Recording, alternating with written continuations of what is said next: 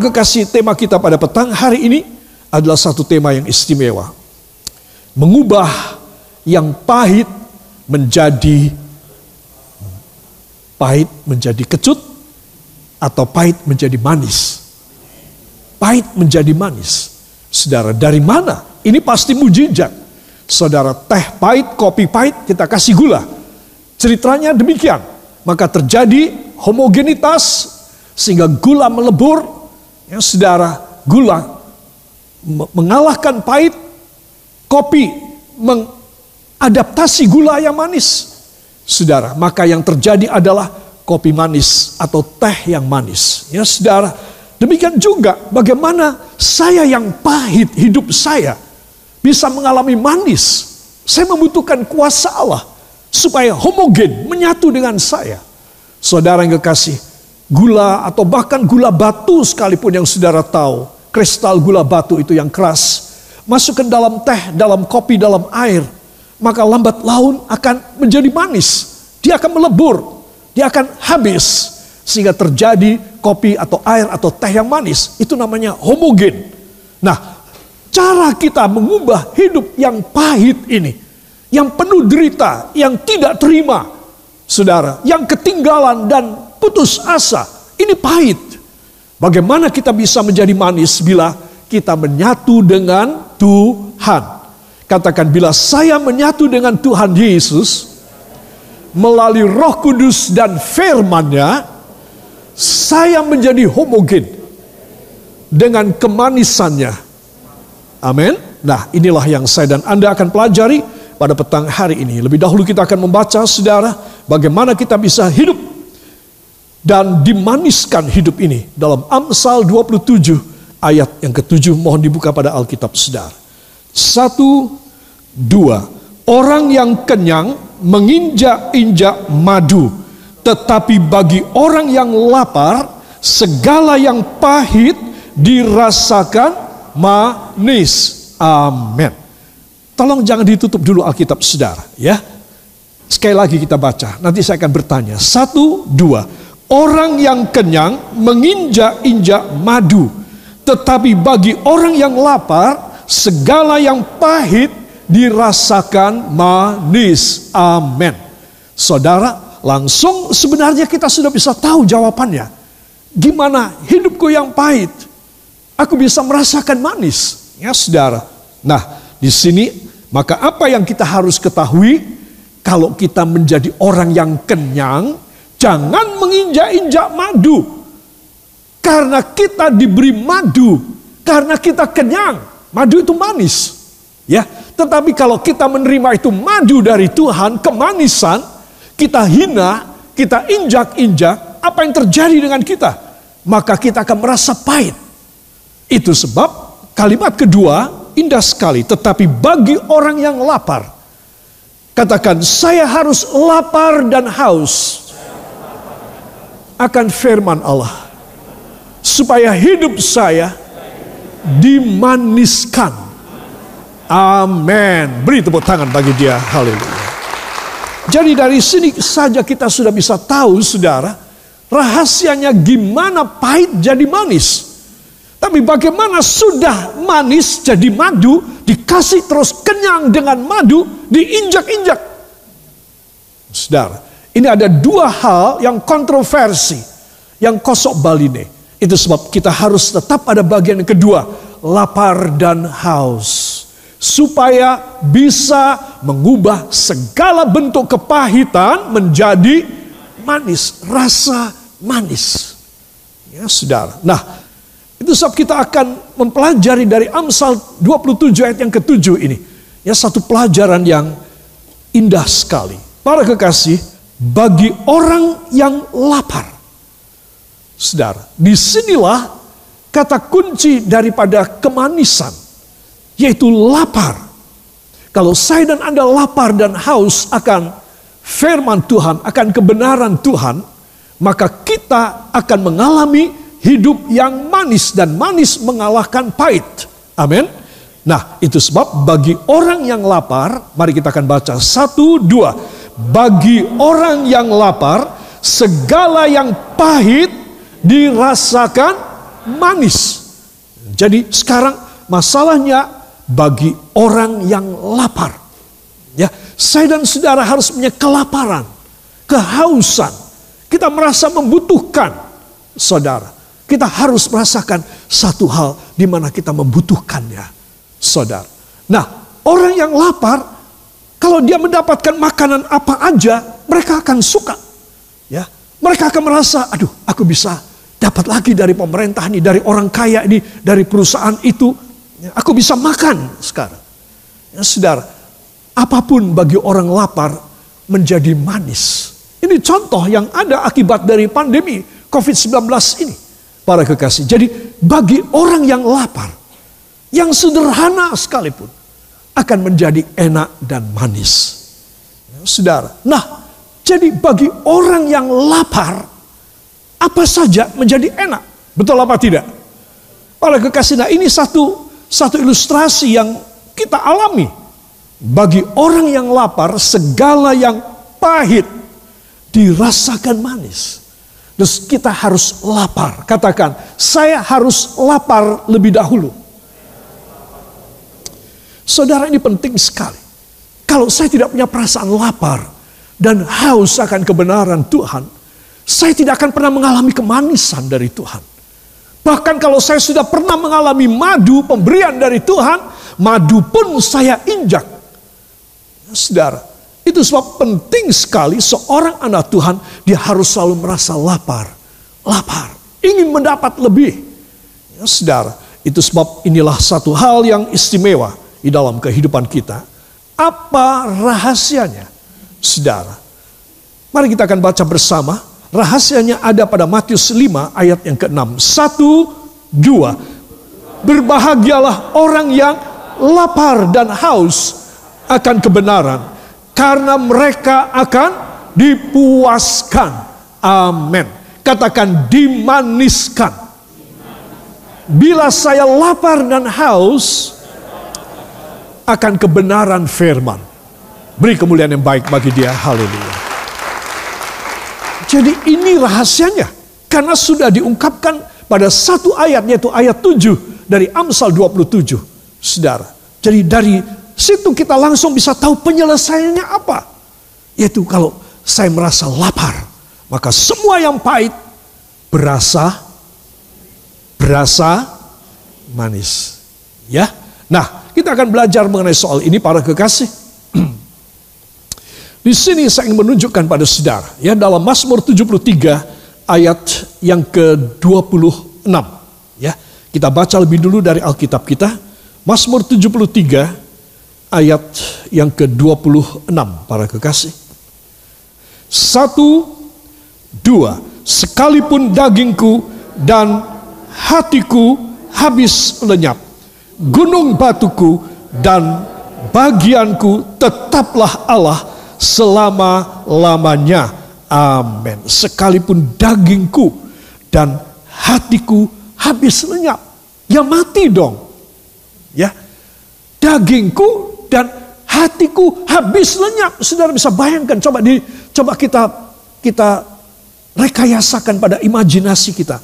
Dagingku dan hatiku lenyap. Ya wes entek, tidak ada apa-apanya. Saudara, tetapi ada kelanjutannya. Gunung batuku dan bagianku. Tuh lihat. Lain di luar tubuh dan hatiku ini. Gunung batuku ya dan bagianku. Tetaplah Allah selama-lamanya. Jadi saudara, ini tubuh, ini keadaan saya dan Anda yang pahit, yang bisa lenyap, sekalipun dagingku dan hatiku lenyap. Tetapi Tuhan adalah gunung batuku dan bagianku. Dia tetap ada. Sehingga aku tidak jadi lenyap. Kalau orang lain tidak punya Tuhan, bagiannya dan gunung batunya, maka orang lain lenyap, orang lain binasa. Saudara, itulah pertanda dari orang yang lapar akan kebenaran. Kebenaran bukan dari dalam saya, bukan dari Anda, bukan dari keturunan orang tua kita. Wah, mereka penuh dengan dosa, termasuk kita orang. Saudara, itu sebab dari mana kebenaran, kebenaran dari dia. Tuhan, gunung batu dan bagianku. Jadi saya dan Anda harus tahu, ini ayat luar biasa ya. Di dalam terjemahan bahasa Inggris nanti kita akan membaca terjemahannya. My flesh and my heart may fail. Daging dan hatiku bisa hancur, lenyap atau setidaknya pingsan. But God is the strength of my heart and my, and my portion forever. Tetapi Allah adalah bagian ya kekuatan dari hatiku, kekuatan dari hatiku. Ya, and my portion dan porsi milikku, bagianku. Ya, Saudara, mari kita akan baca terjemahannya yang ada tulisan kecil di bawahnya. Ya, satu, dua, tubuhku dan hatiku bisa habis lenyap, tetapi Allah adalah kekuatan hatiku dan bagian pusakaku selamanya. Amin. Sekali lagi, satu, dua. Tubuhku dan hatiku bisa habis lenyap. Tetapi Allah adalah kekuatan hatiku dan bagian pusakaku selamanya. Amin. Haleluya. Coba lihat. Ya saudara. My flesh and my heart. Saya ulangi lagi. Ini adalah daging dan hatiku may fail. Bisa hancur bisa pingsan, bisa gagal, bisa berantakan, saudara. Jadi di sini ada apa dong yang membuat saya bisa bertahan? Kalau saya mengalami kepahitan, maka saya di dalam keadaan saya harus lapar dan haus akan kebenaran.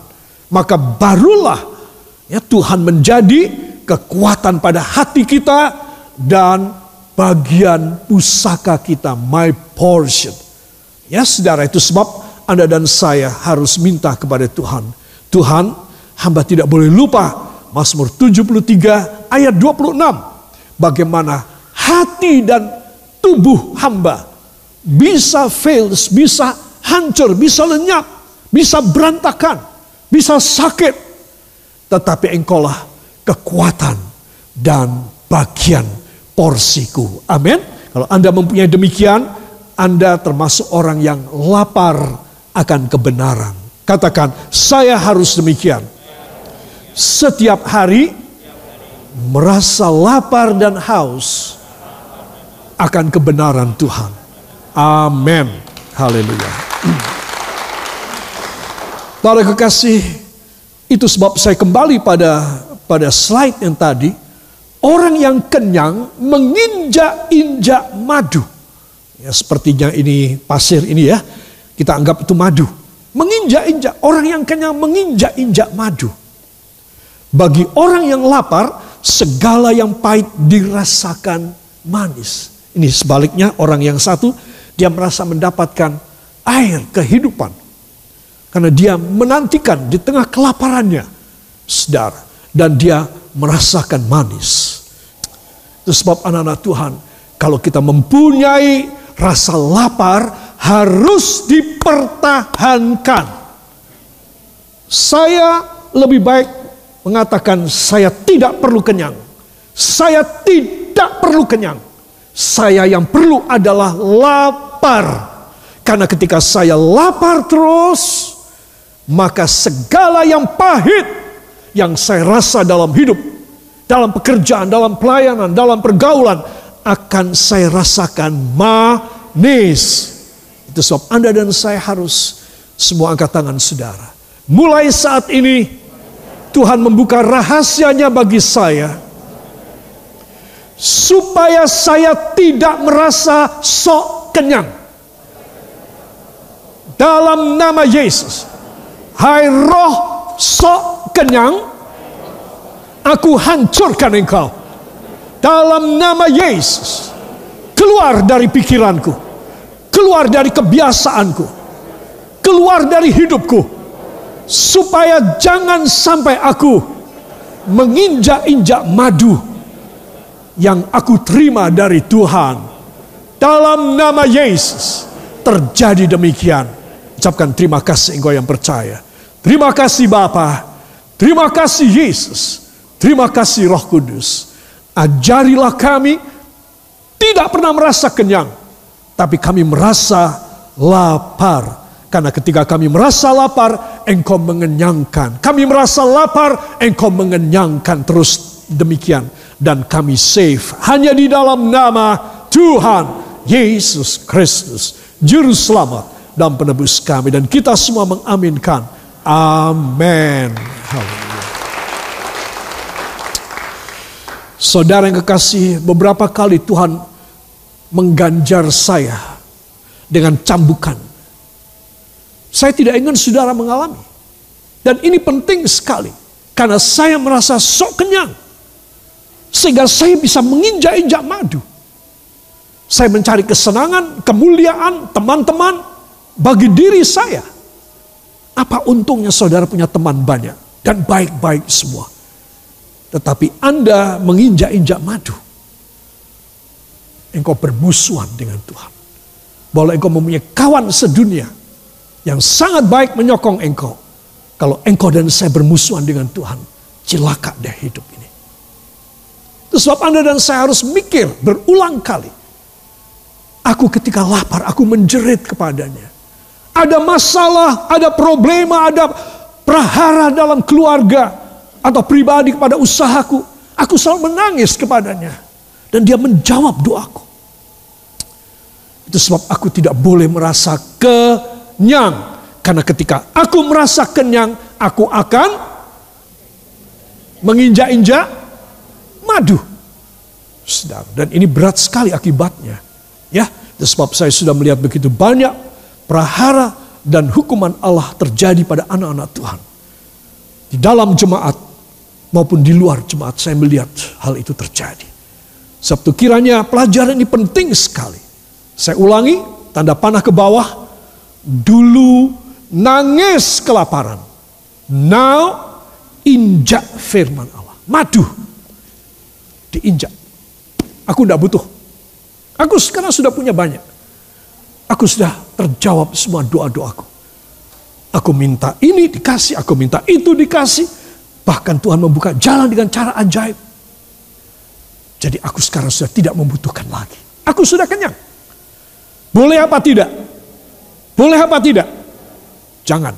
Ya, engkau akan menyesal sampai mati. Kebalikannya yang kedua, bagi orang yang lapar katakan, saya harus selalu merasa lapar supaya semua yang pahit menjadi manis. Ya, ini penting. Ini rahasia yang kedua.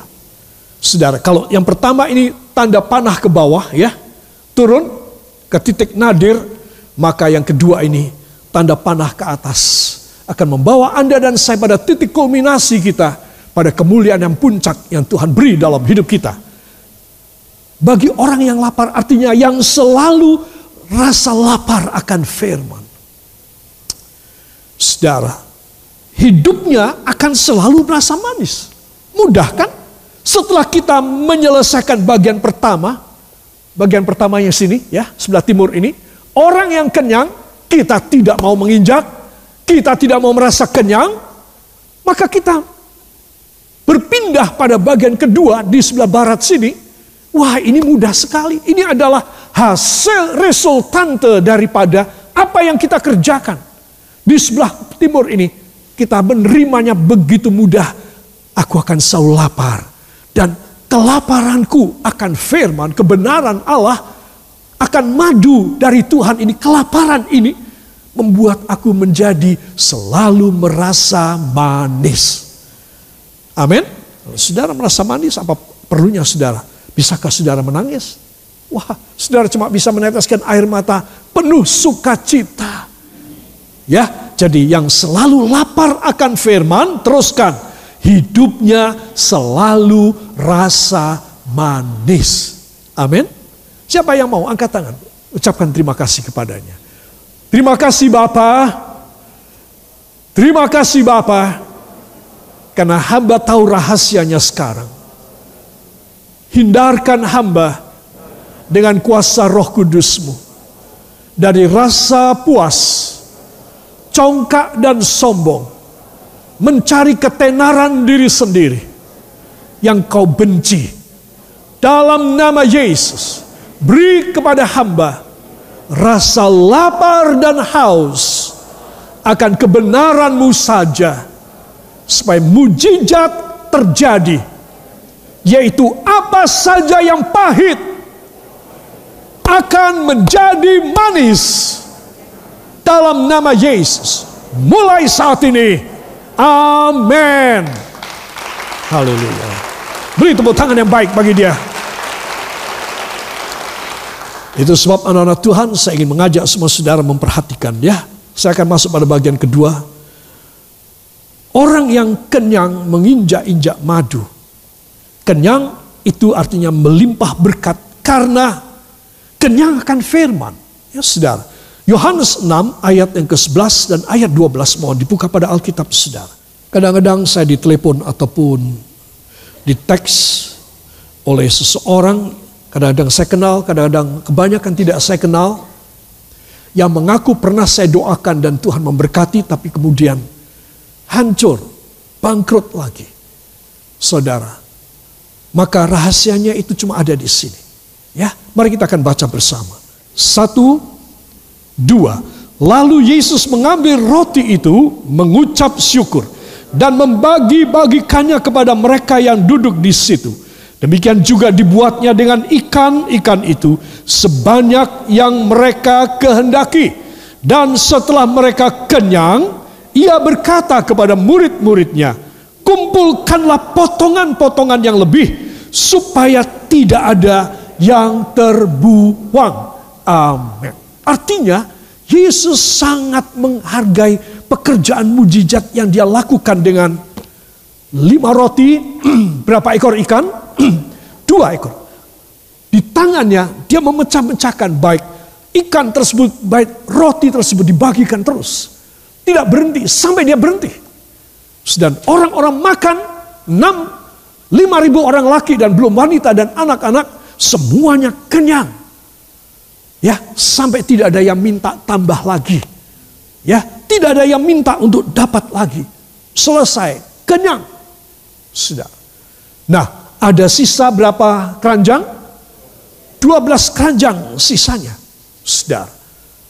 Nah, apa yang Yesus lakukan agar mujizat kekenyangan tersebut bisa terjadi pada seseorang? Ketika saya lapar, ketika saudara juga kita menangis kepada Tuhan, bukan? Tidak ada kerjaan di PHK, pekerjaan yang usaha kita bangkrut atau merugi, atau hilang kena musibah. Kita menangis kepada Tuhan. Saudara, Tuhan mempunyai cara untuk menjadikan kita kenyang. Yaitu dengan apa? Membagikan roti. Jadi ketika saya dan Anda lapar dan ingin kenyang, Katakan ketika saya lapar dan ingin kenyang, rahasianya hanya satu. Apa? Firman Tuhan, roti yang dibagi. Saudara, ini rahasia. Itu sebab Anda dan saya harus tahu. Lalu Tuhan melihat bahwa semua sudah kenyang dan dia dari kejauhan dari atas bukit dia melihat ada roti-roti yang tersisa. Dia berkata pada para murid, kumpulkan semua sisanya. Saudara, dan dikumpulkanlah 12 keranjang sisanya. Coba, gak sampai kurang. Orang berhenti tidak mau makan lagi. Khawatir muntah dia. Khawatir sakit perut dia. Jadi berhenti makan, sudah kenyang. Dan Tuhan minta supaya murid-murid, apa perlunya sih? Bukankah di tangan dia sewaktu-waktu bisa terjadi mujizat? Apa perlunya? Tuhan minta supaya restan, sisa-sisa itu dikumpulkan. Sedar. Karena bagi Tuhan, roti ini sangat berarti. Dan semua orang harus tahu untuk menghargai roti firman Tuhan. Amin. Ini suatu ujian. Kalau saudara berkelimpahan, ini ujian. Ada dua rangkaian ayat, mohon dibuka pada ulangan fase yang ke-6 ayat yang ke-10 sampai 12 saya undang kita bangkit berdiri sejenak. Satu, dua. Maka apabila Tuhan Allahmu telah membawa engkau masuk ke negeri yang dijanjikannya dengan sumpah kepada nenek moyangmu, yakni Abraham, Iska dan Yakob untuk memberikannya kepadamu. Kota-kota yang besar dan baik yang tidak kau dirikan.